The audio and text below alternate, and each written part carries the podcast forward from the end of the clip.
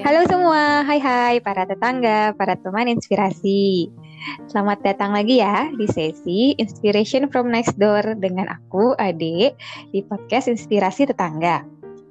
Di seri ini kita ingin berbagi cerita dari orang-orang di sekitar kita yang mudah-mudahan bisa kasih inspirasi kepada kita semua.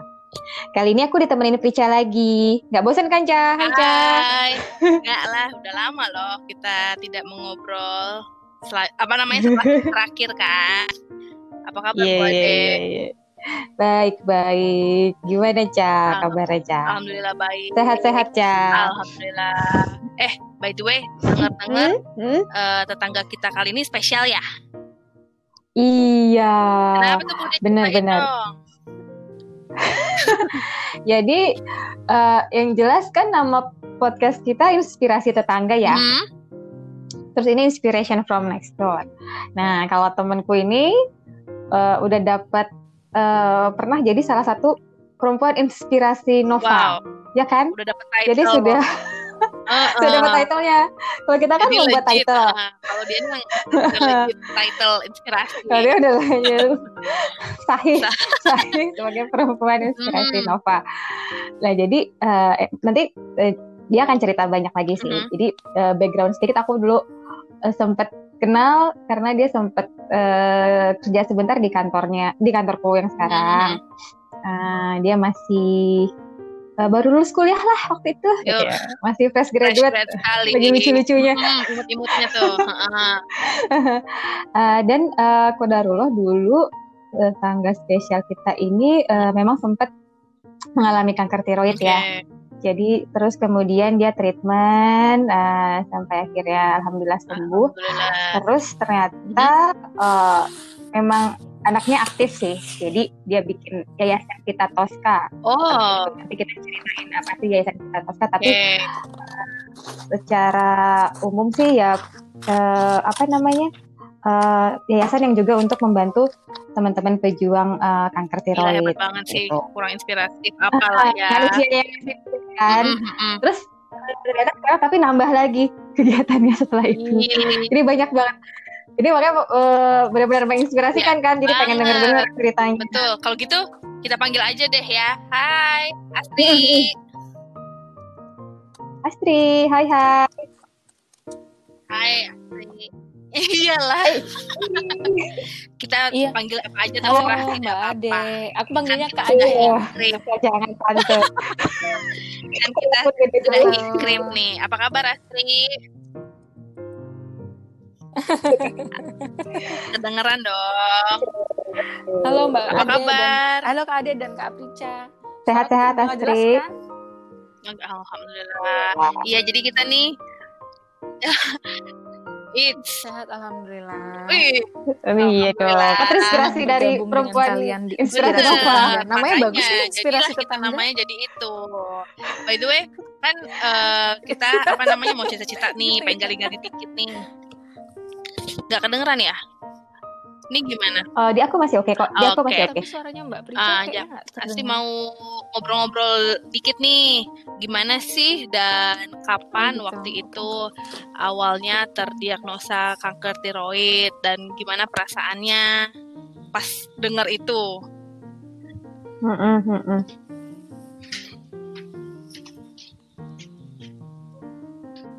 Halo? Halo. Gak denger ya? Mm-mm. Halo.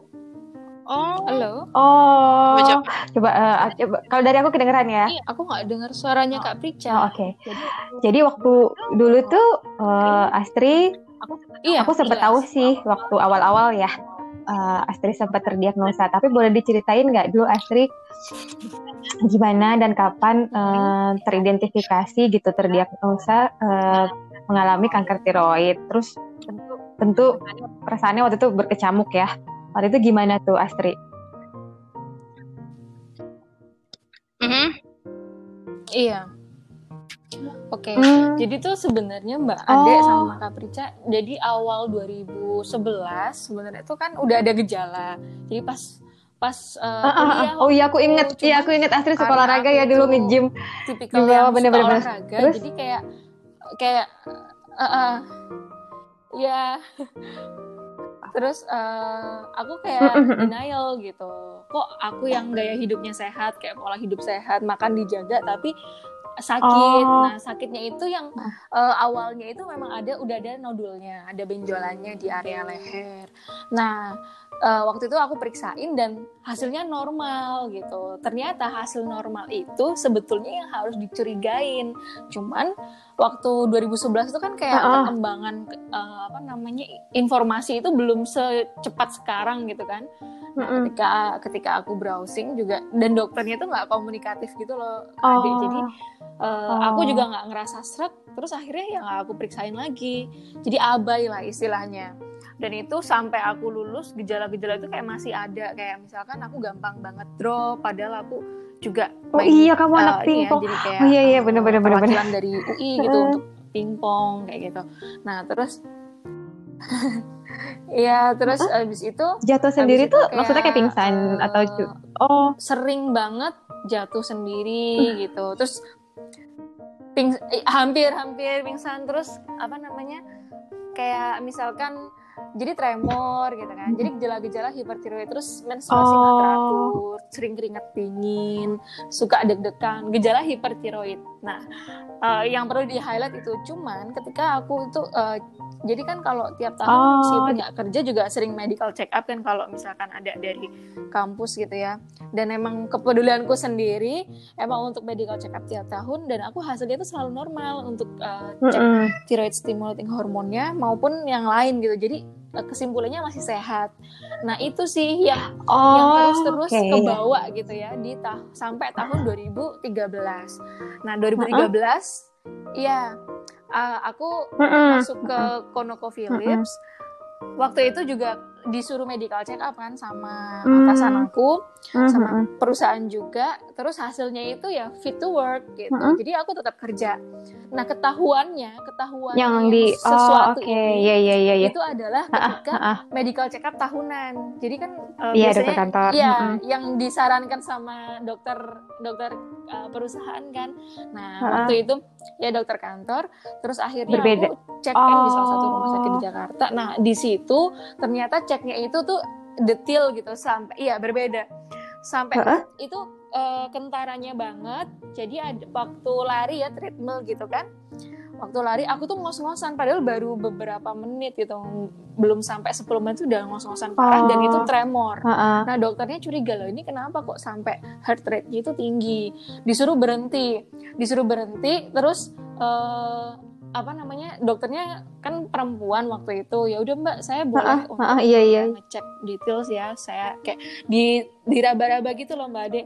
Terus aku Hmm. bilang, terus aku bilang dok ini sebenarnya saya ada benjolan sih di area leher Oh, oke.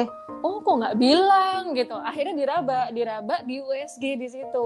Wah ini Hmm. sudah ya ini udah eh, bentuknya udah bubble. Ah aku bingung dong apa Oh, maksudnya oke. gitu kan. Eh, jadi udah udah sampai kelenjar getah bening nih mbak. Nah di situ ada ada tulisan eh, ada note di situ oh oke. bahwa eh, hasil medical check medical check up-nya adalah unfit Iya, benar. Nah, terus kan satu bulan kemudian kan Mm-mm. hasilnya baru datang ya terus eh, yang baca adalah suster kantor. Ha-ha. Nah, suster kantor langsung manggil aku saat itu sama dokter kantor. Jadi di ruangan mereka aku diceritain hasilnya. Terus eh, Aduh, bisa, waktu itu tempatnya ya, lembur lagi. capek kerjanya kamu jangan lembur gitu. Waktu itu waktu itu note-nya kayak gitu. Nah terus ini gimana dok Eh, pemeriksaannya? Pemeriksaannya harus ini ya harus lanjut Ah, ah, gitu. Jadi nggak berhenti sampai sini aja. Kamu kayaknya harus pengobatan deh. Waktu itu dokter kantor bilang gitu kan. Terus oh ini terus periksa di mana dok? Gitu kan. Ini gejalanya apa sih? Maksudnya gimana sih dok? Apakah ada hubungannya sama area leher saya? Iya ini ada gangguan tiroid di sini di state demikian. Jadi harus ke penyakit dalam yang uh, endokrinologi, iya Ha-ha. spesialis endokrinologi. Terus akhirnya ya udah dikasih apa namanya surat rujukan sama beliau. Mm-mm. Terus akhirnya aku ke salah satu rumah sakit uh, di Jakarta, rumah sakit pemerintah di Jakarta. Terus Oh. pemeriksaan tuh lengkap. Dan di situ. kan kayak di USG, Jakarta kan ngekos ya. Jadi waktu itu mama sampai akhirnya ditemenin atau gimana? Jadi berhenti. Sendiri. Oh. Iya. Enggak, aku Ha-ha. berangkat sendiri. Jadi bermodalkan iya Mm-mm. sendiri. bermodalkan surat rujukan dokter aku sendiri periksa ke Mm-mm. rumah sakit terus di situ dibilang ini harus ada pemeriksaan lanjut karena hasilnya dari USG ini eh, anamnesisnya Ah, jadi belum diagnosis langsung drop Dan ya. sendiri dia waktu itu ya. kanker tiroid itu suspek kanker tiroid nah aku udah. Iya langsung sih. ya ya langsung drop Hmm. ya benar terus akhirnya ya udah aku bilang bilang lagi sama dokter kantor Ya kayak gini "Ya, ini mau nggak mau kamu harus periksa nah sementara kan deadline Kamu nelfon ya mama waktu langsung hari itu. Belum. Terus Oh. Belum mau bikin Nah, keluarga itu aku panik juga, kali. "Dok, ini Iya. bisa nggak Heeh. enggak sih enggak, Oh, belum. karena kan Iya, iya. jauh. belum jadi Oh, heeh. iya benar itu itu dia jadi jadi aku berusaha Aha. Baik-baik Heeh. aja gitu kan. Nah, tapi ternyata uh, gosip sakitku itu, gosip informasi Heeh. sakitku itu udah udah nyebar di satu uh, ini kan satu sectionku gitu. Nah, yang care waktu Hmm. itu maksudnya yang ngasih uh, apa ya kayak kayak suggest gitu kan rekomendasi untuk ke dokter ini dokter ini itu ada salah satu Beda. atasan juga cuman kami agak sedikit beda gitu kan beda ini maksudnya beda area terus Itu alternatif. Uh, Mm-mm. terus beliau tuh bilang mending kamu coba deh ke alternatif gitu kan loh lah kok ke alternatif iya awalnya tuh aku gitu kan terus akhirnya Oke. beliau bilang "E, nggak apa-apa coba aja ke alternatif soalnya Mhm. keluarga aku tuh sembuh semua di sana terus uh, aku beraniin diri ya untuk daftar sambil aku juga kan selanjutnya adalah ini apa namanya FNAB FNAB itu fine needle aspiration biopsy jadi di- Oh. diambil jaringannya di area nodulnya itu di lehernya. Oke. Nah Iya. itu yang- itu FNAB-nya nggak bisa di rumah sakit pemerintah, bisanya cuma di rumah sakit swasta. Nah terus karena waktu itu Mm-mm, karena mm-mm. waktu itu alatnya rusak atau gimana, jadi aku di di ini dirujuk gitu kan. Ya udah sembari nunggu Dan tetap itu, sendiri akhirnya pergi ke aku alternatif ya itu. ke alternatif itu mbak Ade. Jadi terus dikasih oh, sesuatu sesuatu hebat banget. Iya, aku sendiri, tapi didaftar. tapi didaftarin, Heeh, heeh. didaftarin sama si ah, sama si itu kan Ih, sama si kuat banget. uh, bosnya. Terus a- abis itu Heeh. cuman kayak apa-apa semuanya sendiri Heeh. aku lakuin.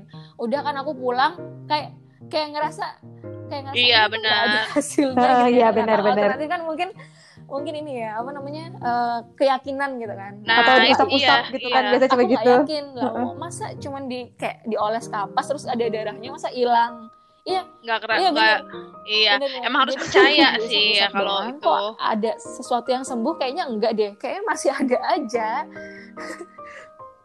Mm-mm. terus dibawain tuh yang namanya apa sip- Oh, herbal herbal ya. disuruh bikin teh terus apa bawang putih tunggal kayak kayak gitulah herbal herbal gitu.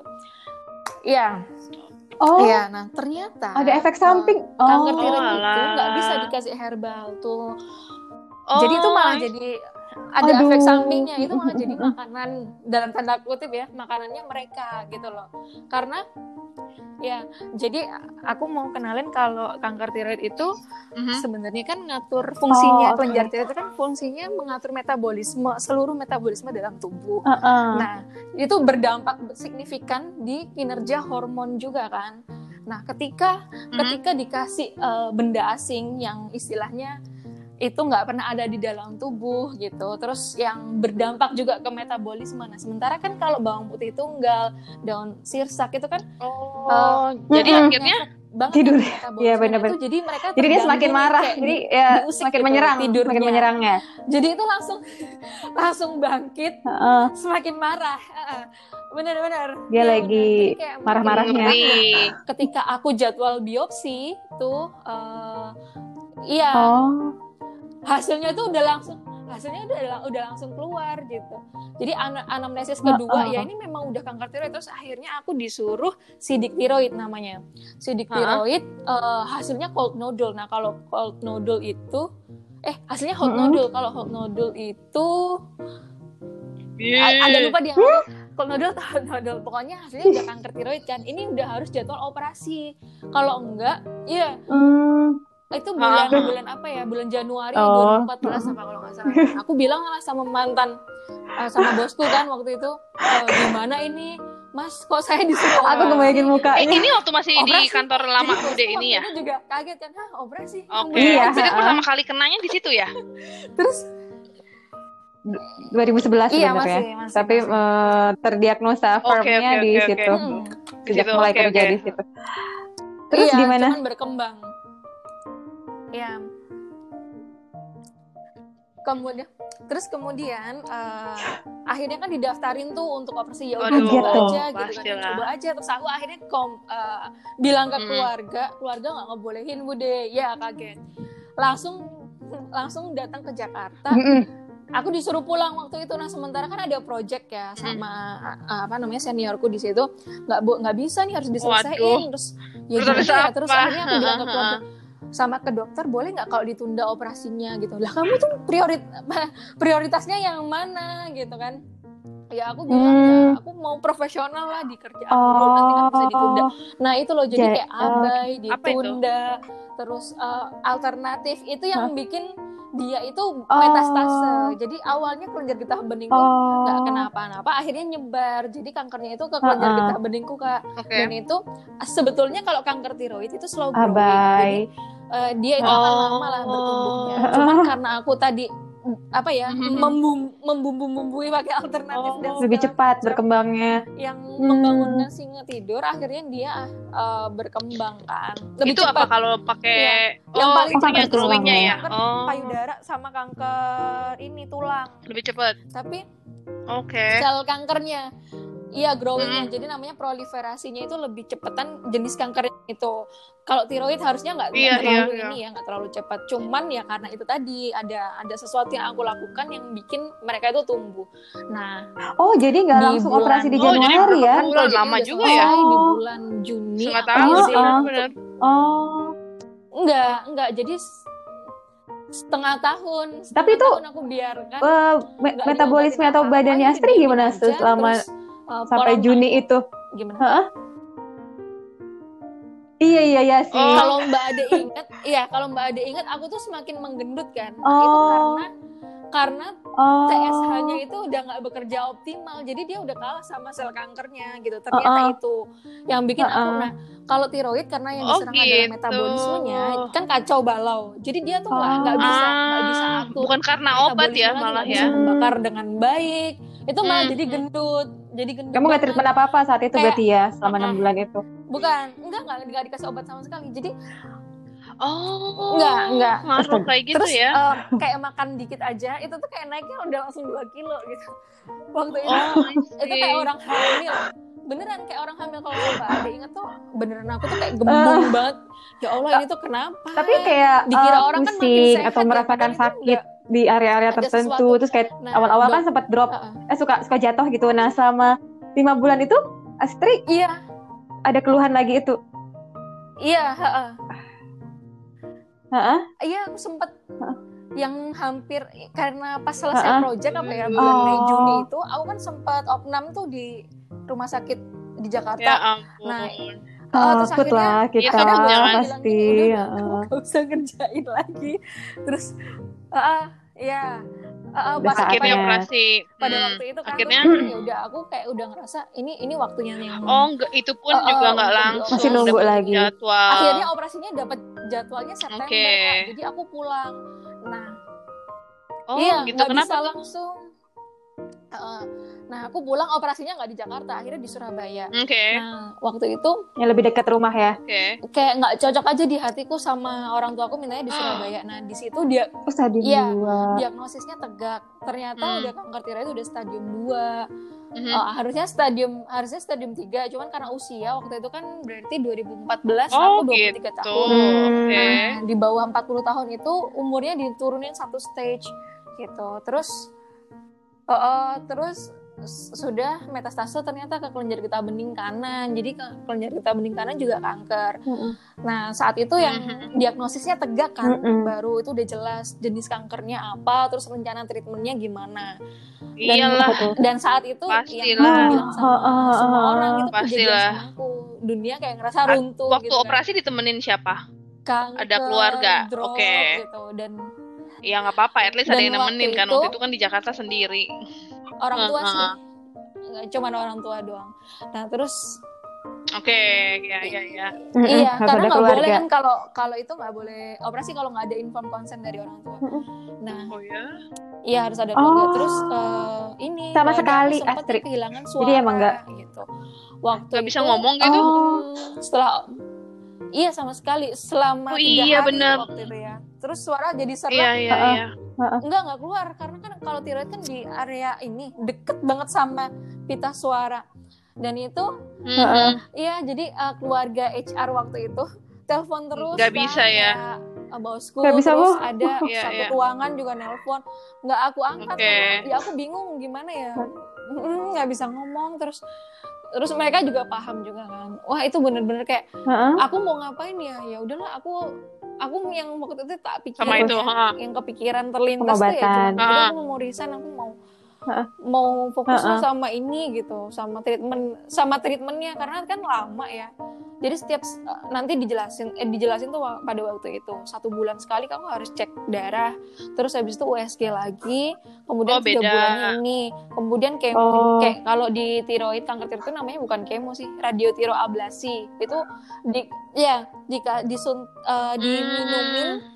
Cairan iodium aktif untuk ngebom sel kankernya yang Iya, ukurannya iya, iya. mikro gitu maksudnya Mm-mm. biar biar nggak ini kan nggak kena kanker lagi gitu dan itu bisa ber- berapa kali Oh, gitu kan wow. aku mikir Mantap banget aduh ya. Iya, banget ya sama treatmentnya itu Berarti kan- udah dari berapa dan aku nggak kebayang sih, 2013 beneran nggak sampai kebayang. tahun berapa itu ya Ah. berarti?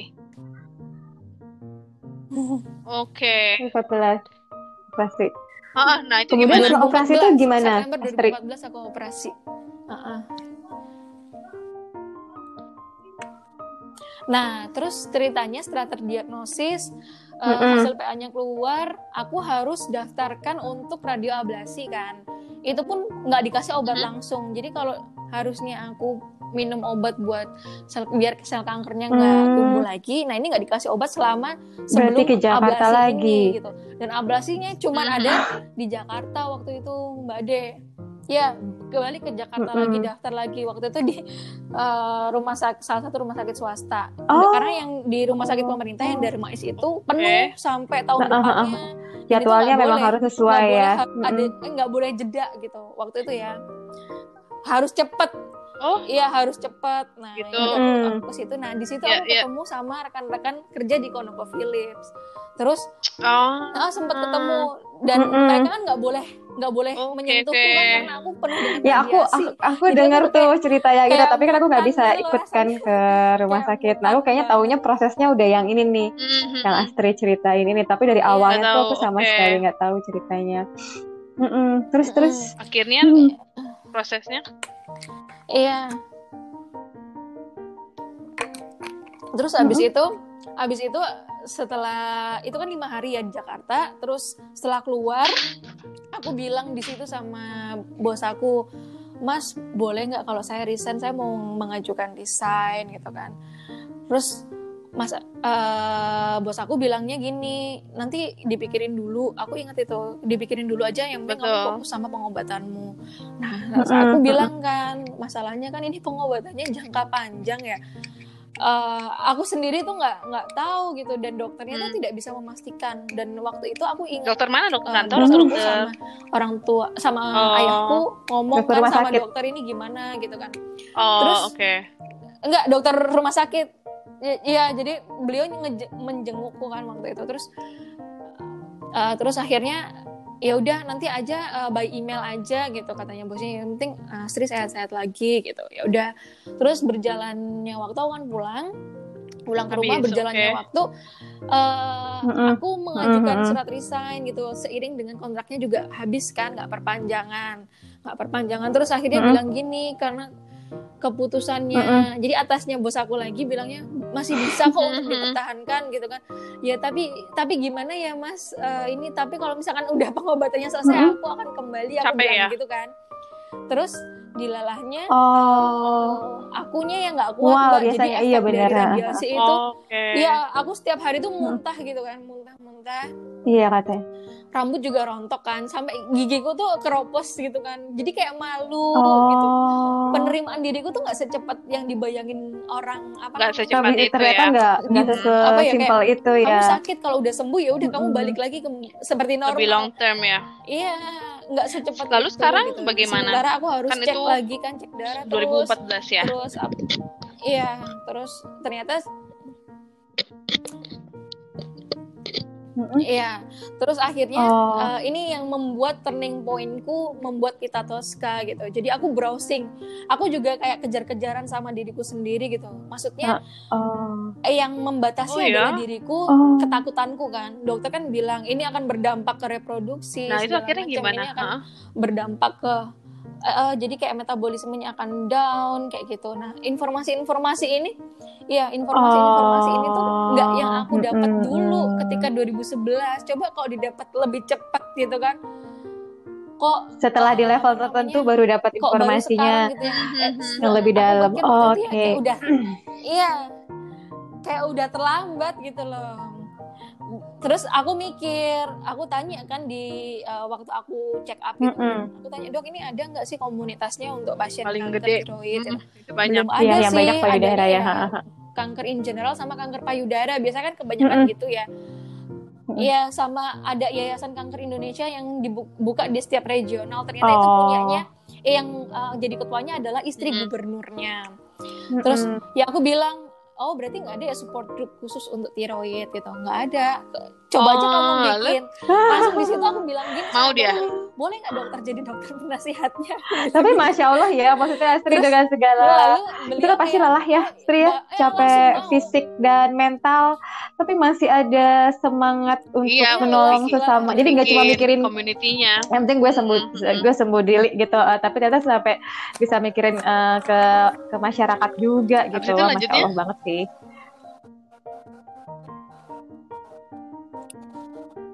Iya, Heeh. soalnya Iya, Oh, soalnya oke. awalnya kan aku mikir ya, coba kalau orang itu ditolong lebih cepat gitu. Eh, eh, Penyakit yang slow growing ini tuh nggak akan grow eh, apa banyak gitu ya, nggak akan spreading ke organ yang lain kalau dia ditolong lebih cepat. Oh, Dan ke selalu. normal yang baru. Kita bilangnya bukan kesembuhan akan sih Mbak Ade, tapi lebih ke tetap normal yang baru situ. karena seumur hidup kan oke. aku iya seumur hidup kan Mhm. aku minum obat ya. Iya, aku minum obat seumur hidup. Jadi obatku setiap pagi Segar- oh. subuh itu aku harus minum kalau enggak aku kayak Oh, berarti itu metabolismenya nggak jalan karena kan Oh. replacement dari kelenjar Mhm. tiroid yang diambil total hormon kan. sintetis Oh, pengganti. nah, Iya apa benar. nih? Itu hormon sintetis pengganti gitu. Sama obat itu. Nah, Iya, nah itu, itu kan. eh, Jadi yang penasaran kehidupanku ini setelah setelah operasi sama, gitu si hormon Abis ini. itu udah- udah Iya, langsung- sama obat ini. Heeh, aman atau eh, gimana nggak belum paham tuh heeh. Biasanya ada tetap kontrol gitu kan ya sampai sekarang bahkan. Oh, iya, kalau kalau itu jelas. Kalau yang namanya kanker itu ada yang namanya waktu Mhm.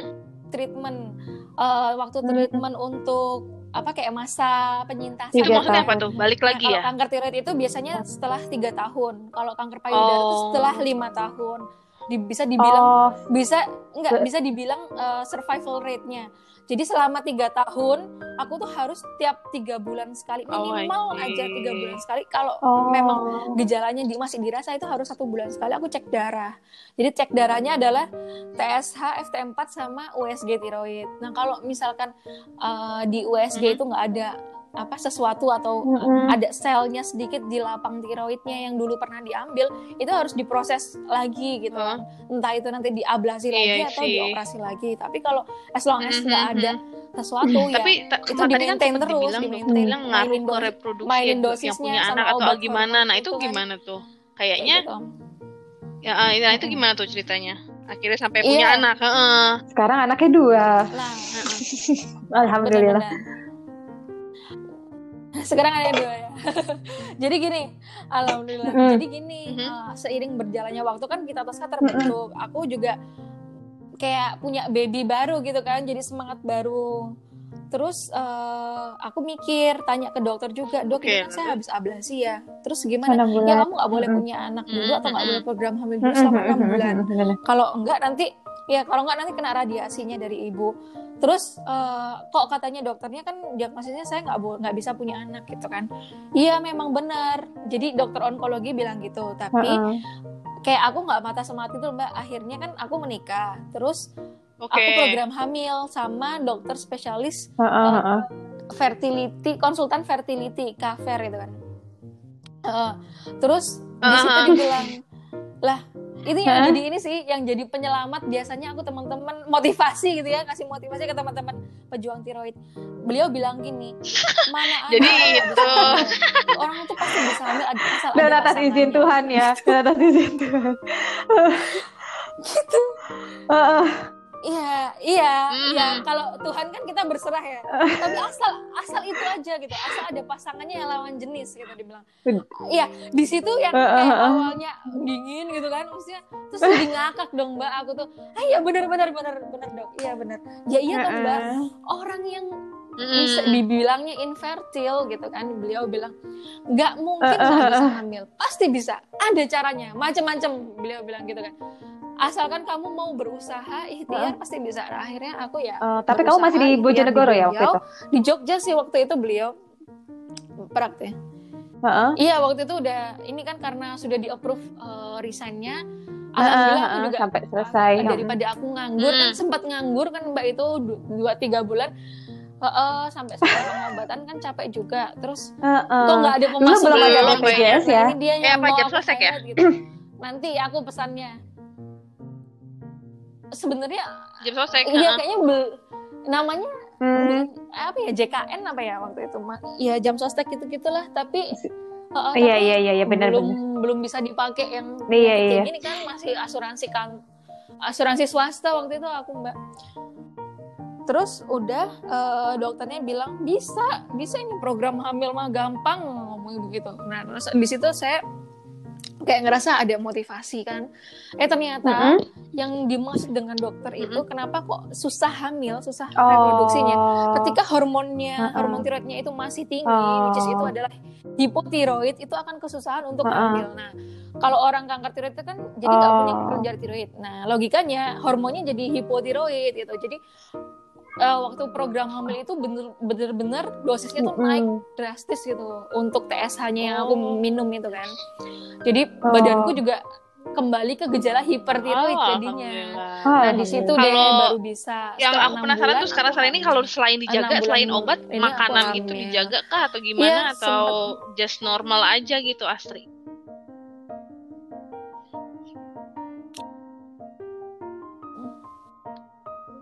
Kalau makanan jelas dijaga mm-mm. soalnya Oh, kalau itu nggak udah boleh ya? kanker itu kan pasti harus patuh 4P. Kita nggak boleh penyedap, Wow. pemanis, rasa. Aduh, sealami Oh. mungkin berarti ya semua. Sesehat Iya, Intake-nya. pengawet sama Hah? satunya itu Mhm. satunya tuh yang nah sebenarnya kalau menurut versinya dokter onkologiku itu eh, yang bisa men-trigger orang kena Oh, kanker banget yang zat Hmm, karsinogenik terbesar itu adalah Ah. yang dibakar-bakar pakai arang itu tuh jadi kayak Yang itu pakai arang ya? karsinogenik jadi kayak sate atau Pakai apa arang. namanya, ikan bakar ayam bakar pokoknya yang pakai arang Di grill beda ya? Oke. eh, kecuali kayak misalkan di grill ya di grill biasa pakai Oh, teflon baru. Udah pemicu lah ya. Teflon itu nggak apa-apa tapi kalau pakai arang nah itu karsinogenik terbesar itu iya pemicu makanya kayak sate Iya. aku kan dulu di, di Iya, kos kalau ya, anak kosan kan apa aja yang ada ya, Heeh. apa aja ada yang banget apa kan. aja yang bisa kita Oh, order I gitu. iya Hmm? nah Heeh. benar jadi nah Heeh. s- sekarang trennya itu penyakit tidak menular penyakit kronis Malah muda ya? satunya kanker Oh. ini eh, paling banyak itu adalah Karena anak eh, usia karena nggak nggak malah nggak menyerang Nah, usia itu dari Iya, iya, makanan iya, iya. itu, iya. heeh, bener, sih. bener. pola hidupnya mungkin ya iya bisa bisa itu dan semakin gini anak muda Mhm. kalau yang di ini ya aku kan beberapa kali ikut diskusi sama Kemenkes di PTM itu Dirjen P2 PTM itu bilang anak muda itu sekarang beban mentalnya itu semakin tinggi karena Iya, iya, sedikit-sedikit iya. sedikit-sedikit baper mungkin ya. Iya, iya, iya, sering dengar. mengontrol stres. Jadi Nah, stres nyemil. ngopi, iya, boba. rilisnya ke mana? Kopi-kopian, teh-tehan, makan. Jadi jadi gula, gula sa- ditambah makanan yang tidak sehat berbahan dasar karsinogenik, ada arang, ada eh, yang gluten gluten itu, terus ada eh, pokoknya macam-macam Oh, yang dijelasin sama Kemenkes itu. Tuh, itu yang aduh. membuat Oh. anak-anak muda Makanan- itu makanan hits malah itu. usia produktif ya, aduh Iya, ber- Dan hati-hati dikurangi banget ya makanan-makanan sekarang. hits. kronis. Terus Astri, ya. waktu itu kan Pita Iya. Tosca belum lahir ya. Terus Astri sempat sendiri dulu di Jakarta emang memilih gak mau kasih tahu dulu orang tua. Mm-mm. Akhirnya orang tua tahu. Terus du- dukungannya dulu hmm, tapi teman-teman Iya, kantor benar. dan atasannya waktu itu ngerti banget ya keadaannya dan mensupport banget. Terus eh, support apa lagi yang Astri Iya, dapat heeh, waktu itu? Eh, keluarga bagaimana setelah mengetahui kejadian itu atau teman-teman terdekat Astri? Yang akhirnya Astri benar-benar tetap kuat banget sih aku ngelihatnya ya sampai bisa menghasilkan segala macam.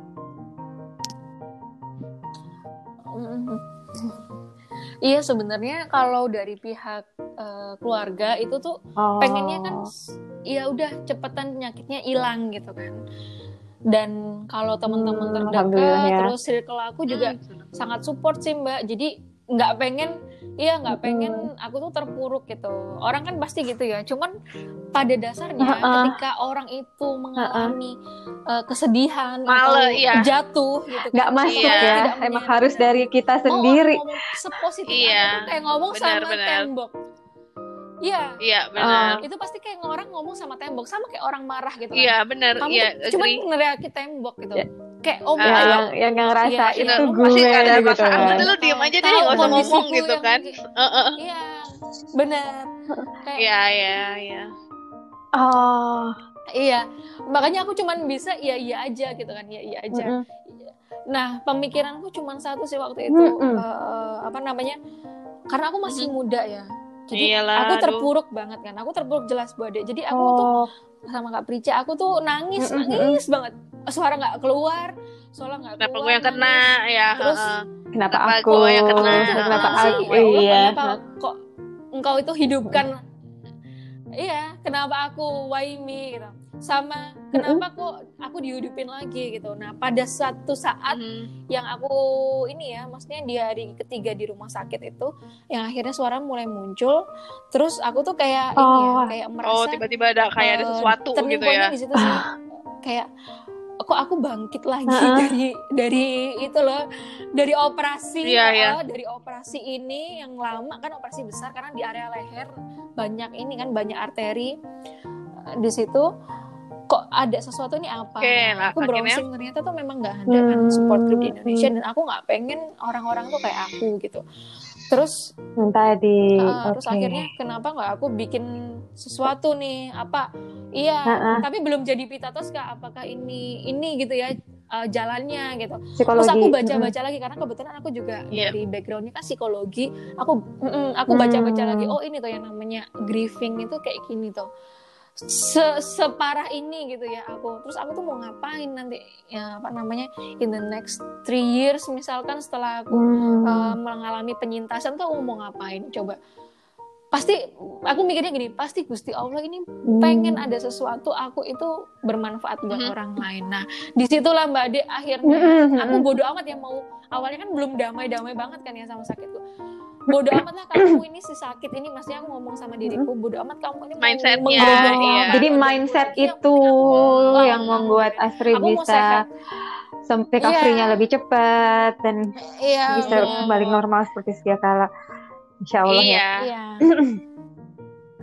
Mm-mm, benar Berarti emang bener the ya di power of mindset, itu, ya. yang Aku bilang kalau eh, aku nggak nggak sehat, ya aku nggak sehat, aku nggak akan bisa Mm-mm. ini apa namanya ngapa-ngapain awalnya gitu. Terus yang kedua adalah eh, apa namanya saat-saat di mana aku itu kontemplasi diri. Jadi aku berpikir Hmm. bahwa aku tuh Cita-cita. udah Ya, apalagi apa anak ya, baru umur segitu aku kan. dengan ambisi lulus, baru kerja. uh, punya cita-cita ya fresh graduate gitu Uh, uh, mau punya ini punya itu aku achieve ini achieve itu terus aku aku gini aku kayak mikir ya kontemplasi diri Gusti Allah tuh pengennya mungkin ya aku melayani gitu jadi aku mengubah semua tujuan hidupku aku hidup di dunia ini Wow. kalau ditanya sama orang luar aku biasa. sebagai manusia buat apa aku adalah oh, pelayan luar biasa loh.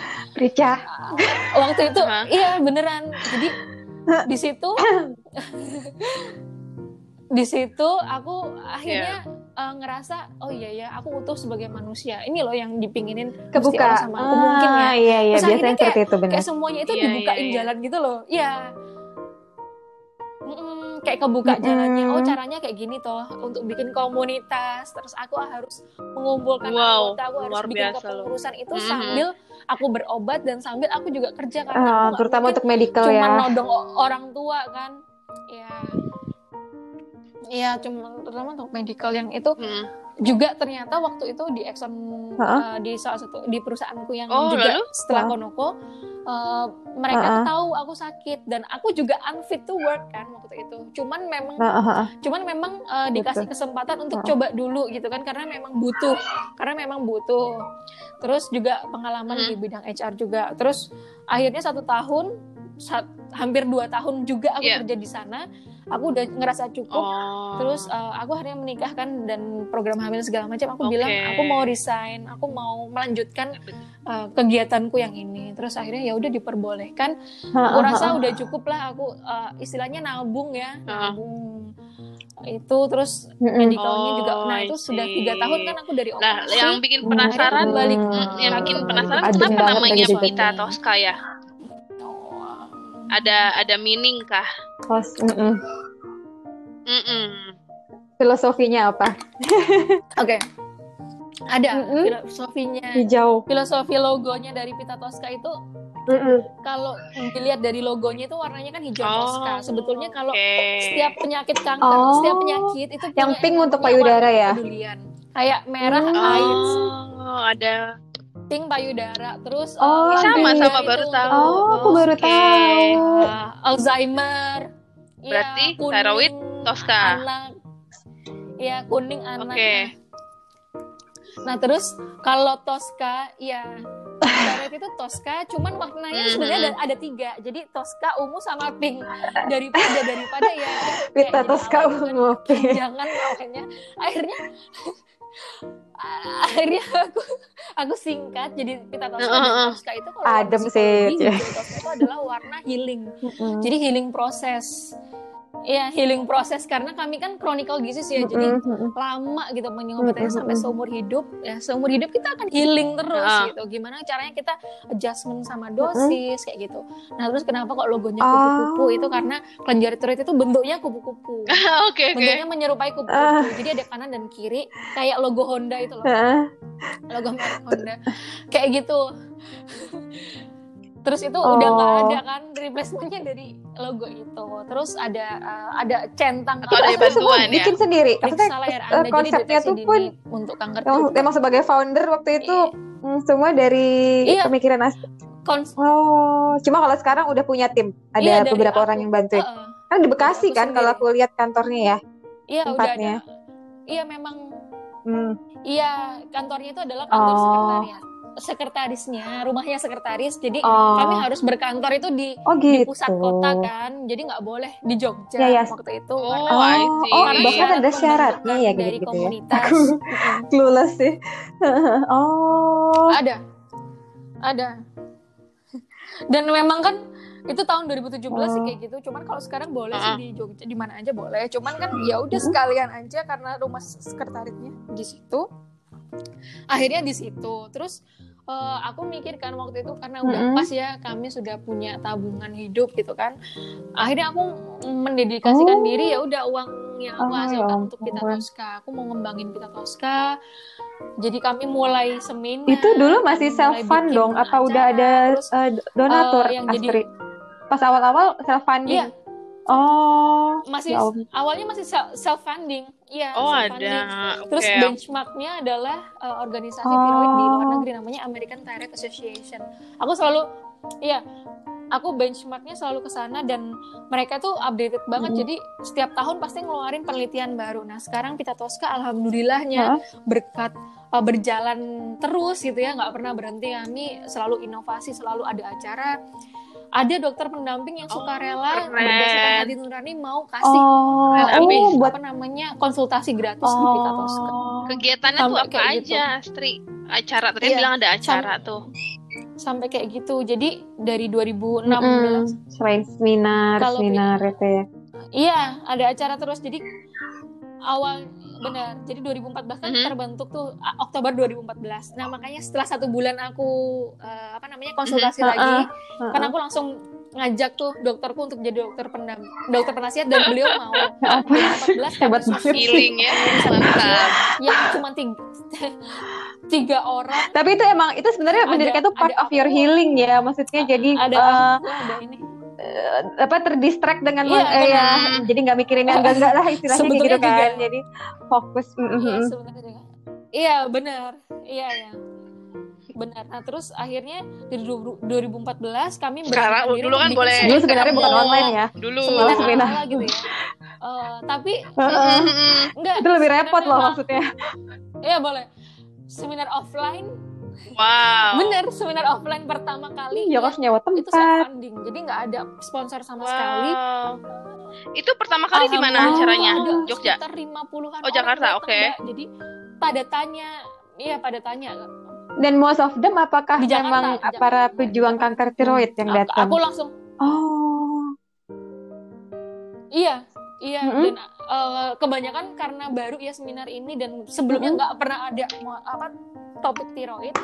Akhirnya Ya, aku baik. beranikan diri. Nah, Ha-ha. narasumbernya adalah dokter yang pendampingku ini kan, ya, eh, dokter penasihatnya.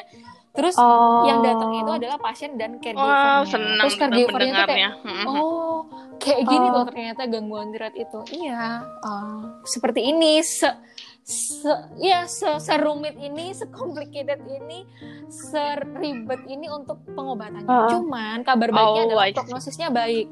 Kalau ditangani lebih cepat, Iya berarti benar-benar. angka harapan hidupnya lebih panjang. Nah, kalau tiroid itu mm, 20 tahun kak eh, kami hidup begitu kan. Aku dulu waktu dengar kabar harus minum obat Harus kayak hidup, gini. harus 20 tahun hidup. Mm. Nah, aku kan mikir ya umurku berarti nanti sampai 43 tahun. 43 tahun kalau aku buang ya, aku buang sia-sia itu berarti aku tuh nggak nggak bersyukur jadi orang gitu. Makanya aku Oh. selalu bilang ke diriku Mantap. aku jadi manusia itu cukup. Hmm. Hebat, aku hebat, harus cukup. hebat. Apa pun yang aku dapat. Iya, iya, iya. Ketika aku cukup, Ya, no, Iya. no, no wonder Nah, ya aku perempuan inspirasi. Nggak Itu gimana sih ceritanya? Apa pengalamannya ha, sebagai Dia perempuan? 2016, 2017 inspiratif. Astri? Aku lupa deh. 2017 ya. Oh, oke. hmm. Mm-mm. 2017. Nah, ini, Oh iya, ini bener-bener. nyambung ya. Nyambung dulu sama yang acara Heeh. kemarin. Akhirnya 2015 bikin seminar, lanjut lagi di akhir 2015 bikin seminar, 2016 seminar. Nah, dari seminar-seminar buzzer. kabar-kabar orang kan jadi buzzer ya. Orang ngomong ini, ngomong ini, ngomong ini, ngomong Ah, ada komunitas ini, terus akhirnya banyak yang gabung, banyak yang join, Mm-mm. banyak yang mau membuka diri. Karena sebetulnya kayak istrinya bosku Oh. dulu kan juga Kenapa? sakit tiroid. Itu orang nggak Kenapa banyak ya? yang tahu. Karena apa? Heeh. Karena orang itu malu Karena? mengakui ada sakit tiroid. Sebab ada Oh. ada benjolan di lehernya kan. Oh. Orang kan, oh i- kamu gondongan nih, kamu uh, amandel kali, gondokan, Oh. gondongan gitu. Dan kami itu unstable emotion, jadi emosinya tuh nggak Uh-uh. nggak pernah stabil gitu. Kamu gampang mood swing, Oh, gampang yang uh, apa moody Oh. gitu kan. Nah terus cemas, cemas berlebih, nah kayak kayak gitu. Jadi orang itu orang itu kalau disinggung masalah gangguan tiroidnya Mm-mm. biasanya itu akan malu, Oh, marah, terus cenderung menghindar. Nah Dapat itu kami member. kesulitan dapat Oh. orang, eh dapat orang, dapat member waktu itu. Terus yang aku lakukan adalah door to door ke rumah sakit. Jadi aku eh, waktu masih periksa ya masih kontrol terus. Nah itu aku memanfaatkan kesempatan. Uh-uh. Jadi aku cari Heeh. punya strategic uh, planning gitu ya untuk ya udah ke rumah sakit agendanya selain aku berobat juga aku akan tanya apakah punya gangguan tiroid kayak gitu. Makanya aku Itu beneran literally kamu anggota. nanya ke orang yang Wow. lagi udah duduk di situ Oh, gitu. ada Oh ya? kamu. iya iya ah, mempunyai kan keluhan mostly- lah ya yang kalau periksa ke sama dokter bedah onkologi kan sakitnya sakitnya kanker ya Heeh. Terus aku juga tanya dokter dokternya bilang ya nanti kalau ada pasien langsung aku arahin ke Oh. kamu aku arahin ke kamu kayak gitu nah terus dari seminar itu nah dari seminar itu kan Mm-mm. akhirnya banyak sih yang sponsor Mm-mm. mau mendanai terutama farmasi kan karena kan obat obat kami kan seumur hidup ya kami eh, pakai terus gitu ya regularly using gitu kan terus sponsor Oh, ada akhirnya Lalu, lalu? Oh. sampai akhirnya terdengar oleh Nova Oke. gitu Eh, nah Nova itu lagi mencari perempuan-perempuan yang bisa struggle di bidangnya. Nah, aku termasuk di bidang kesehatan waktu itu karena ap- mereka tahu kan Hmm. eh, pita toska itu nggak nggak dari atas. Biasanya biasanya ada kayak Oh, istrinya komunitas- siapa komunitas gitu. kesehatan. Pejabat ibu siapa iya, gitu. nah, itu dia. Ah, bener bener bener. Punya backup Eh, Mm-mm. ada backupnya Iya. entah itu artis ibu pejabat apa pasti ada backupnya nah, pejabat loh eh, pejabat di seorang rumah Astrian itu siapa sih gitu kan anak pi yang akhirnya bisa buat yang bisa Uh-uh, sampai komunitas eh, seperti ya, itu. masih kokoh bikin seminar segede itu. Eh, dan kami dinotis oleh jadi syaratnya untuk Oh. inspiratif itu punya organisasi yang udah lama. Eh, waktu itu ada eh, minimal tiga tahun yang dinotis oleh salah satu pemerintah gitu kan. Jadi kayak aku kan Uh-uh, sama Kepita Toska kan dinotis sama Kemenkes gitu kan Oh. kegiatan-kegiatan Oke. positifnya dan kami Oh. juga mendaftarkan jadi berbadan hukum gitu mbak jadi 2017 tuh berbadan hukum Dari situ. terus dari Tahun berapa itu berarti? situ ada undangan ada undangan terus 2017. Wih. terus akhirnya ya udah uh, jadi perempuan ya, jadi perempuan inspiratif 2017 akhir Desember habis habis seminar di Kemenkes persis kami lagi bahas Ha-ha. tentang ini eh, apa namanya ran ran itu ren- rencana Oke. anggaran- rencana aksi nasional Keren abis pokoknya. habis itu langsung malah tambah Iya. sibuk tambah tapi sibuknya tuh benar-benar Betul. sibuk yang tadi Astri bilang memang ingin Nah melayani ini ya Jadi Ade kayaknya memang, ada satu lagi yang belum diceritain Allah. yang beauty tria. Nah itu apa itu Heeh. Astri? Heeh, itu apa itu kayak make Iya, itu atau apa coba bikin itu oh itu oke itu itu sebenarnya Nah coba coba coba. memang luar Oke, itu sebenarnya nyambung nyambung lagi. nyambung lagi. Hmm. Aku tuh kan orangnya, aku orangnya kan yang kayak semuanya sekarang lagi aku mau fokusin gitu kan mengerucut ke pasien. Karena Uh-uh. orang itu kalau menurut pem- pemikiranku gitu ya, dari psikologi itu kan dan komunikasi juga ada yang namanya hukum ini ya, hukum 10.000 jam gitu kan. Ketika kita fokus ketika kita nah Oh, hukum 10.000 uh-uh. jam dari Max Gold Goldwell apa kalau nggak salah aku lupa namanya teori teorisnya siapa nah itu ketika kita mau fokus untuk dalam satu hal gitu kan kita harus Oh, menaklukkan oke. 10.000 jam itu nah 10.000 jam itu kalau di jam jam jam kerjakan oke. di jam kerjakan itu oh eh, sekitar ya 10 oke. tahun gitu kan selama selama hidupnya. Nah, aku bilang ke diriku sendiri ketika aku pengen terjun untuk melayani, apalagi yang kulayani adalah pasien, ya udah aku harus eh, bukan expert apalagi yang bisa diperbuat untuk pasien ini ya gitu. Dan Hmm. Iya, betul. Hidupku, hidupku di dunia ini sudah merasa cukup gitu kan. Aku materi segala macam aku sudah merasa cukup. Nah, ketika aku merasa cukup, aku harus berbagi. Nah, itu adalah circle uh, pengembangan diri ketika kita mau fokus ke satu hal. Nah, berbaginya dengan apa? Nah, aku pikir waktu itu aku sendiri. Jadi dari pengalamanku juga aku uh, refleksikan ke pengalaman. Refleksi diriku adalah ketika Oh. aku uh, butuh skincare gitu kan karena pasti Oh, ada bahan-bahan yang nggak boleh untuk eh, para pasien ini ya Iya. Mhm. Oh, Betul. I see. Oke. Oh, Iya, kami nggak boleh pakai skincare Oh. dengan paraben ataupun sulfat. Ya. Terus eh, kalau organik itu sebetulnya bagus, baik. Cuman kalau Mhm. bahan-bahannya raw iya benar Heeh. Itu kan benar-benar cuma organik bertahan tiga bulan ya. Oh. Organik yang benar-benar organik itu cuma tiga bulan. Heeh. organik Even yang eh, melabel dirinya organik itu tuh pasti ada bahan-bahan aktif. Oh. Nah, zat aktifnya itu yang nggak bisa disebut organik. Jadi dia Oh, akhirnya tergolongnya jelas Sekolah natural. apa? Aku aku belajar lagi di situ gitu. Jadi sekarang aku juga itu kan berarti aku kamu masih sekolah. belajar. Wah. Iya, itu bikin skincare kan skincare. Agak-agak belajar biasa. zat kimia lah segala macam kan Aku untuk menghasilkan.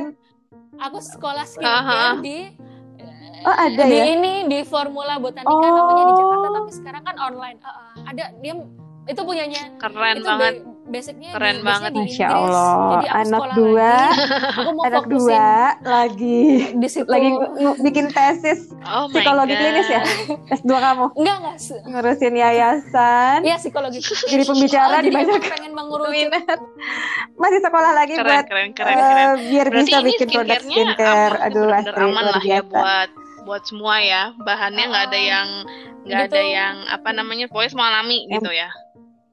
Iya. Serius, ih, terus sampai di endorse jedar IG-nya ya. luar biasa itu di Instagramnya Iyalah pasti. Kalau Terus Kalau ya. itu kalau tapi itu kamu ngerjain sendiri juga Astrid itu di rumah Dari Jogja itu- berarti. iya, sendiri. oh ada timnya Enggak ada, oke ada tim deket rumah Astrid ya Heeh. Hmm. di di Jogja ya. Pabriknya juga di Jogja. Enggak, pabriknya ya sekitar Pabriknya di Jogja, oke. Inilah sampai Jakarta lah sejaman gitu. Tapi di Jogja pabriknya. Jadi aku bisa eh, aku bisa request bahannya aku bisa mantau sendiri. Enggak yang perlu di highlight itu gini. Kalau kita Heeh. sebagai pasien kanker tiroid ya dan Pitatosa kan nggak cuma Oh, kanker tiroid oke. tapi ada gangguan hormonal tiroid yang lain pasien yang lain nah kalau kami ini sebagai pasien gangguan tiroid itu tuh Hmm. punya yang namanya Iya, iya. gang, apa ya bukan gangguan psikologis, mood swing jadi tadi unstable gitu ya. emotion tadi aku bilang ya heeh. jadi kadang-kadang tuh aku juga masih yang merasa aku down gitu ya aku punya negative thought kayak gitu cuman yang aku pikir itu ya apalagi kalau ini mbak jadi kami itu ada yang namanya Iya uh, sih. Pastinya atau sih. pokoknya Oh, oh iya kebayang sih benar-benar kebayang tes sih. gitu. Apalagi Tes kamu lab. tiap tiga Hmm. bulan ya. Iya. Tapi kalau ada tadi sakit lagi Kecemasan. satu bulan sekali. Iya, aku Nah setiap tiga bulan itu deg-degan rasanya ya. betul. Nah, eh, eh, ada ada kecemasan itu dan aku kan masih sampai lim- Heeh. kemarin kan September itu enam tahunku. Nah ternyata ya kodarullah juga aku itu ada Heeh. nodul baru kan di kelenjar getah bening kiri yang Oh. harus aku ablasi ulang gitu kan. Aku ablasi Oke. lagi di Semarang Mm-mm. karena Jakarta kan lagi ini ya red zone nggak boleh. Jadi aku di Semarang dan eh, mungkin juga apa ya jadi ketua eh, ini jadi aku Oh. di- diduluin gitu karena memang bener-bener untuk Tetap memotivasi teman-teman buat berobat, ayo berobat gitu kan sedini mungkin berobat nah, Nah, eh, nah terus Oh. Abis itu baru-baru ini dong Astrid. sih. Baru-baru kan ini. jadi jadi ulang Oh. iya bulan Agustus bulan. Agustus kemarin Ah, nah terus aku yang puasa obat itu aku sering sering story Oh, oh. nah itu aku mau cerita di situ gitu itu yang membuat itu yang membuat orang Ya. pasien kanker sih pasien gangguan tiroid itu Oh, gampang oh, oh, drop oh. gitu jadi nggak mau ngelanjutin Iya, berobat iya. lagi jadi kayak Mengulang men- itu capek soalnya ya. mengulang lagi, eh, emosi Iya, itu tuh yang sebenarnya lebih, Mindset, lebih iya. susah Mental dihadapi itu gitu. sebenarnya emosi dan Iya. mindset itu sendiri. Mm-mm. Nah, benar. Iya, benar. Nah, nah hasil-hasil dari manifestasi kayak gitu Mm-mm. itu akan berdampak kan ke diri Ah, ah, kita ya, baik itu fisik Mhm. maupun psikologis. Nah, aku uh, yang aku mau highlight di sini buat teman-teman mungkin yang nanti yang ngedengerin podcast ini, teman-teman gangguan tiroid ataupun teman-teman uh, yang lain yang sehat gitu kan. Please uh, kalian punya Hmm. yang namanya sisi resiliensi. Jadi uh, resiliensi dalam diri itu sangat amat penting dibutuhkan. Jadi ketika kita dalam kondisi down Hmm, drop oke. atau apa pun, kita masih punya pegangan gitu. Resiliensi itu Mm-mm. adalah kemampuan untuk bounce back. Jadi kemampuan untuk membalik dalam situasi apa pun, kondisi apa pun, kamu ketika kamu punya fokus tujuan dalam hidupmu, hidupmu tuh apa sih? Itu akan jadi oh iya ya aku nggak boleh nyerah gitu. Aku nggak boleh uh, drop lagi. Aku nggak boleh apa uh, segampang Iya, itu iya. Kalah sama diriku, kalah sama penyakitku. Mm-mm. Jadi aku yang pikirin itu sih Mbak Ade. Jadi waktu Agustus itu Mbak Brica aku bener-bener TS aku tinggi banget, aku hipo banget kan. Jadi negatif thought itu wah uh, parah iya. banget. dan suamiku tuh udah nyerah juga kan. Alah kamu tuh kok dikit-dikit udah apa sambat gitu kan. Dikit-dikit sambat, dikit-dikit Ha-ha. nangis ya gimana. Mikirnya pasti udah lagi macem-macem. gitu kan, lagi Aduh, pasti. Cuman aku Iya, iya, ya, iya, mikirnya iya. macam-macam pak kalau aku mati Mm, gimana mm, ya mm. Ada ditinggalin anak-anak juga segala Kayak macam. gitu-gitu. ya Mm-mm, itu pasti jadi pikiran anak-anakku juga. masih kecil-kecil ini aku harus gimana itu Uh, terus ya udah terus aku ternyata Oke. dikuatkan sama pemikiranku gitu tujuan hidupku tuh untuk apa aku harus melayani berarti melayani keluarga aku harus bangkit dari sini aku harus moving ke hal yang yang positif aku pikir gitu eh ternyata setelah satu bulan berlangsung dua bulannya kan Oktober ini semua itu kayak kembali Oh. lagi aku jadi utuh lagi jadi manusia oke berarti tadi itu Iya, cuman ada masa-masanya uh, sih. hal-hal yang Memang ya iya. udah itu hal semua, yang wajar iya. banget dialami. Karena orang. iya, nah nggak nggak mungkin lah seseorang itu akan selalu keep positif ya. Uh, uh, keterpurukan gitu jadi uh, jangan sampai. Betul. hal positif itu Uh, malah uh, jadi uh, uh. toxic jadi kan toxic positivity orang itu boleh kok punya negatif thought orang itu boleh nerima dirinya uh, betul. we can accept our flaws gitu kan jadi ya udah nggak usah ngerasa atau itu mm-mm. orang paling terpuruk se- se- sen- sendonya Allah gitu Mm-mm. masih banyak kok orang Ada masa-masanya lah ya. bapak kayak Paham, hidupnya paham, lebih paham. dari kita gitu kan lebih kurang dari kita Oh, kita oh. nggak seterpuruk itu Mm-mm, jadi harus ha- berdamai. harus berdamai dengan dirimu kamu Iya. harus punya pega kamu harus punya pegangan kalau enggak kamu akan meaningless hidup ini gitu. Mantep lah. jadi Iya. resiliensi kuncinya itu sih kembali ke Tujuan iya basicnya sebenarnya Benar. itu dan harus benar-benar kuat Betul. sih mindsetnya dan eh, alhamdulillah punya. Teman atau keluarga yang mensupport tapi sebenarnya kuncinya tetap kembali ke Mm-mm. mindset kita sendiri ya Betul apa sekali. yang mau kita Aduh, lakukan lagi jadi setelah mikir ini kan ya setelah Iya, betul. mendengar ini ya Astrid. gue. Ah, aku tuh masih ngebayangin Asri tuh yang dulu itu lah yang jalan tim sendiri mikir. nyamperin gue. Ayo mbak kita pulang. Oh iya naik shuttle atau mbak tungguin ya gue gue gue masih di lift gitu, gitu. sama oh iya benar cemilan sebenarnya gitu. Minta tapi cemilan terus ya. Uh, tapi saya itu udah pindah ya. Dulu kan kita masih agak di wing sana kan masih suka ketemu ya terus pas Astrid udah pindah ke wings yang satu lagi Iya, uh, uh, ngobrolnya udah lebih jarang kan. Tapi tiba-tiba aku dengernya yang tadi itu yang Astrid ceritain sakit bla, bla. terus Iya. cepet lah tiba-tiba Iya, iya. operasi segala macam dan aku dulu bilang Ah. "Ah, keluarganya kan di Bojonegoro ya Ternyata setelah berapa Gimana? tahun Gitu-gitu berubah, udah nggak ngobrol ya, lagi sih. Ya. Terus akhirnya yang dulu. mm, mm, oh, terus ya, Mm-mm. tapi masih tapi masih ngelihat di Instagram kan terus wah, semakin ini aja nih Astrid semakin banyak Gila ya. kontribusinya luar biasa Tapi banget apa namanya Dengan segala luar, luar pengalamannya. biasa banget sih Pak. Iya, Ya, itu nih bener-bener wow, Enlight, bikin iya. kita Iya. betul, betul. Dan Banyak enlightenment yang, buat denger juga saya. kan akan mengambil sesuatu dari sini. Uh-uh. mungkin kita perlu bikin IG live dengan dengan Astrid Oh boleh. Justru malah kalau IG live itu biasanya malah kan eh, banyak yang ini ya, banyak yang melihat gitu. Nah ketika kita itu melihat orang lain, biasanya kan gini, ketika orang melihat orang lain, aku biasa suka gini sih Mbak Ade, kalau di IG live aku tuh baru Iya, benar. di anatomiku, jadi lebih tervisualkan kosong. ya Kita Iya, bisa, iya gitu, aku- benar, hmm, boleh Iya, nanti kita betul, kita obrolin betul. Cah dengan betul. Aku ibu manajer IT kita Iya, menarik tuh menarik boleh. Jadi gini, kalau kalau aku Mhm. boleh kasih masukan malah uh, ini tuh jangan sampai putus sih Mbak Ade, jangan sampai apa Mhm. ya uh, acara-acara kayak gini tuh jangan sampai Oh. ini stop di jalan meskipun nanti meskipun nanti akan ada akan ada apa ya obstacles di tengah jalan tak Tuh, apa kan kita kita tapi jangan nah. sampai memutuskan Aduh, hal yang Nah, sudah kemarin tuh gue baru bilang sama Pica sama gue bener-bener lagi mager. oh, banyak banget kan. Sekarang-sekarang ini kok sepi nih, si ibu-ibu ini sepi nih. Ah, Ah, sekarang tuh, semakin busy kan tuh. dan semakin busy juga langsung tuh, banyak sama urusan banyak Paham. personal uh, uh, personal least yang harus sesuatu. di handle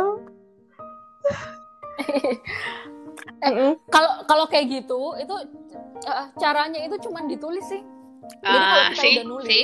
Iya nulis sih. ritualnya itu tuh Baik, kita nggak akan, akan bisa kita, mengingkari dan ingatkan gitu. itu. Jadi jangan Betul, betul, malas memang. ya, ibu ade. Kita terus, terus. Iya. iya. jangan Iya, berhenti soalnya pada sesuatu yang sudah kamu Oh. perjuangkan Suatu ya, kita harus ingat. Iya. Heeh. Mm-mm. karena mungkin gini mbak Ade mungkin gini Mm-mm. eh, setiap orang mbak Prica juga ini aku bukan bukan ini ya bukan sosokan cuman ini yang aku tanamkan ke diriku juga wow. setiap orang itu bisa menjadi lilin Oh. untuk orang lain sekecil apa pun itu Allah. sekecil Iya. apa pun itu cahayanya jadi punya ruang dan mungkin Iya, ini iya, ruang iya, kalian gitu ruang kita walaupun juga masih walaupun juga masih baru Iya, ya tapi ya kantor. terus emang harus terus Iya. terus terus amatir ini. Iya, baiklah. Baik, insya Allah Bu Astri. Eh, tapi eh, aku Iya. lupa aku mau nanya ini. Tadi kan Astri harus ini di masa pandemi gini ada terimpact apa nih Astri? Pasti kan yang harus rutin Hmm. banget ke dokter, obat. Aku sempat lihat tuh di Instagramnya. oh iya Teman-teman lain juga gimana tuh? Iya. jadi kalau Pita Tosca itu Oh, oh, oh.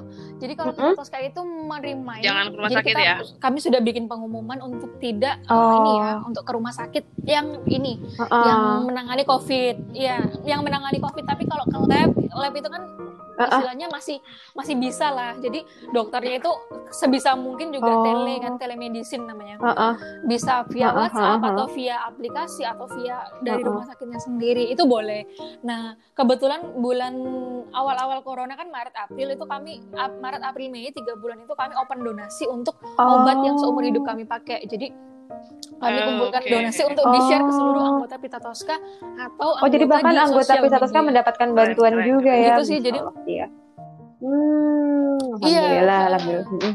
Jadi itu terus se- selama selama pandemi tiga bulan itu Mbak Ade kemarin terus akhirnya kan Mm-mm. new normal nih, ya kan new normal Mm-mm. tapi masih PSBB lagi.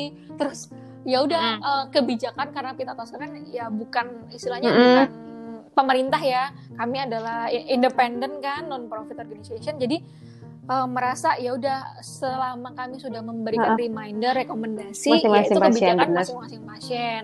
Nah kalau Oke. aku Iya, kalau aku pribadi aku masih ke lab Oh, oke. swasta tapi aku nggak ke rumah Jadi sakit. konsultasinya Jadi aku online. Ke lab swasta. Aku mengajarkan itu. Iya, aku Mm-mm. aku sharing itu untuk teman-teman. Jadi bisa loh pakai caranya kayak gini ya. Tapi sedikit ini sih kan kalau Mm-mm. swasta kan nggak bisa BPJS ya. Ya sedikit mengeluarkan Iyalah. biaya, cuman kita akan mendapatkan Betul. Lebih aman, benar. keamanan gitu kan, bukan kenyamanan tapi ke, Iya, benar, uh, lebih aman. Kayak gitu. Iya benar. Iya, cuman teman-teman yang kesulitan untuk berobat, ini kami lagi mengakomodasikan Oke. untuk diomongin ke rumah sakit, tapi rumah sakit tipe D yang bukan rujukan COVID kan, biasanya kayak gitu. Nah, ya jadi kami ini lagi ini nyusun apa namanya rekomendasi untuk rumah sakit Wah. bisa nerima pasien pita jadi Oh. punya keanggotaan gitu. Eh, di lab swasta sih juga sih udah ada udah ada ini udah ada uh, diskon voucher diskon cuman kalau di rumah sakit lagi bikin keanggotaan yang Keren, anggota keren, Pita keren. Tosca asalkan punya ini bisa pakai Oh. BPJS-nya di rumah sakit Berarti tuh gede. berarti harus sudah ada kerjasama dengan Menkes atau iya ada kerjasama Hmm, oke udah luar biasa banget. Iya iya iya iya. Iya. harus ya. Emang Keren. harus kalau enggak nggak Keren bisa di banget tracking deh. nggak bisa di tracking Astri, terima kasih banyak Thank ya, you. banyak banyak banyak buat sharingnya. Yang tadi aku bilang, aku sih Yes, pribadi banyak too, mendapatkan enlightenment. Kita juga banget. Heeh, dan eh, Betul. heeh, memang penuh semangat sih Astri. eh, aku denger ceritanya dan eh, lihat dari cerita-cerita di Instagramnya, di Pita Tosca dan juga produk barunya apa Beauty. Tria ini ya. Ya Beauty Tria, Iya, iya. Terima Oh, Bi. jadi terima kasih banyak Astri Salah. sehat-sehat selalu sama keluarga. Semoga semua Mm-mm. urusan Pita Toskanya Mm-mm. lancar. Sama keluarga juga. Dianya Ah. juga. Amin, Dan amin ya semoga semoga setelah semua ini kita nanti bisa ke Amin. Jogja Bu Ade mungkin ya kita ketemu di sana. Iya banget. Tadi tuh gue pengen ke Jogja di see. Desember sekalian mudik coba. We'll Agak see ya. ngeri. Dengan Uh-uh. pandemi ini agak-agak We'll see. ngeri pergi jauh. eh, iya Hmm. soalnya kan kita nggak nggak tahu ya hasil swab misalkan eh, Iya, itu yang we don't negatif know. gitu kan hasil Mm-mm. segala Di tengah macam. jalan. tapi kan di tengah jalan itu loh di Heeh. di perjalanannya Betul. kita nggak bisa kontrol Iya, Apalagi kalau bawa anak bener. kecil, itu dia sih Iya Astri, semoga dimudahkan lah semua apa uh, Iya. pekerjaannya, tujuannya Amin, amin. tadi ya, terus memberikan Amin. dampak Betul. bagi komunitas di mana pun itu. Thank you. Banyak Bu banget yang kita dapat. Makasih juga. Rica ya, ya menemani kembali. Kak Ade Mm-mm. Kak Ade Boleh dan dong. Kak Prica aku kalau boleh em, punya satu Eh iya boleh eh, boleh, aku lupa lupa nanya. Ada pesan-pesan nggak? itu Ya lupa ditanya tadi. Oh, Eh, boleh. baik bagi apa namanya pejuang kanker ataupun buat eh, siapa pun lah. Aku mau Mm-mm. spesialkan khususan buat uh, pendengar setia dari podcast Inspirasi Tetangga.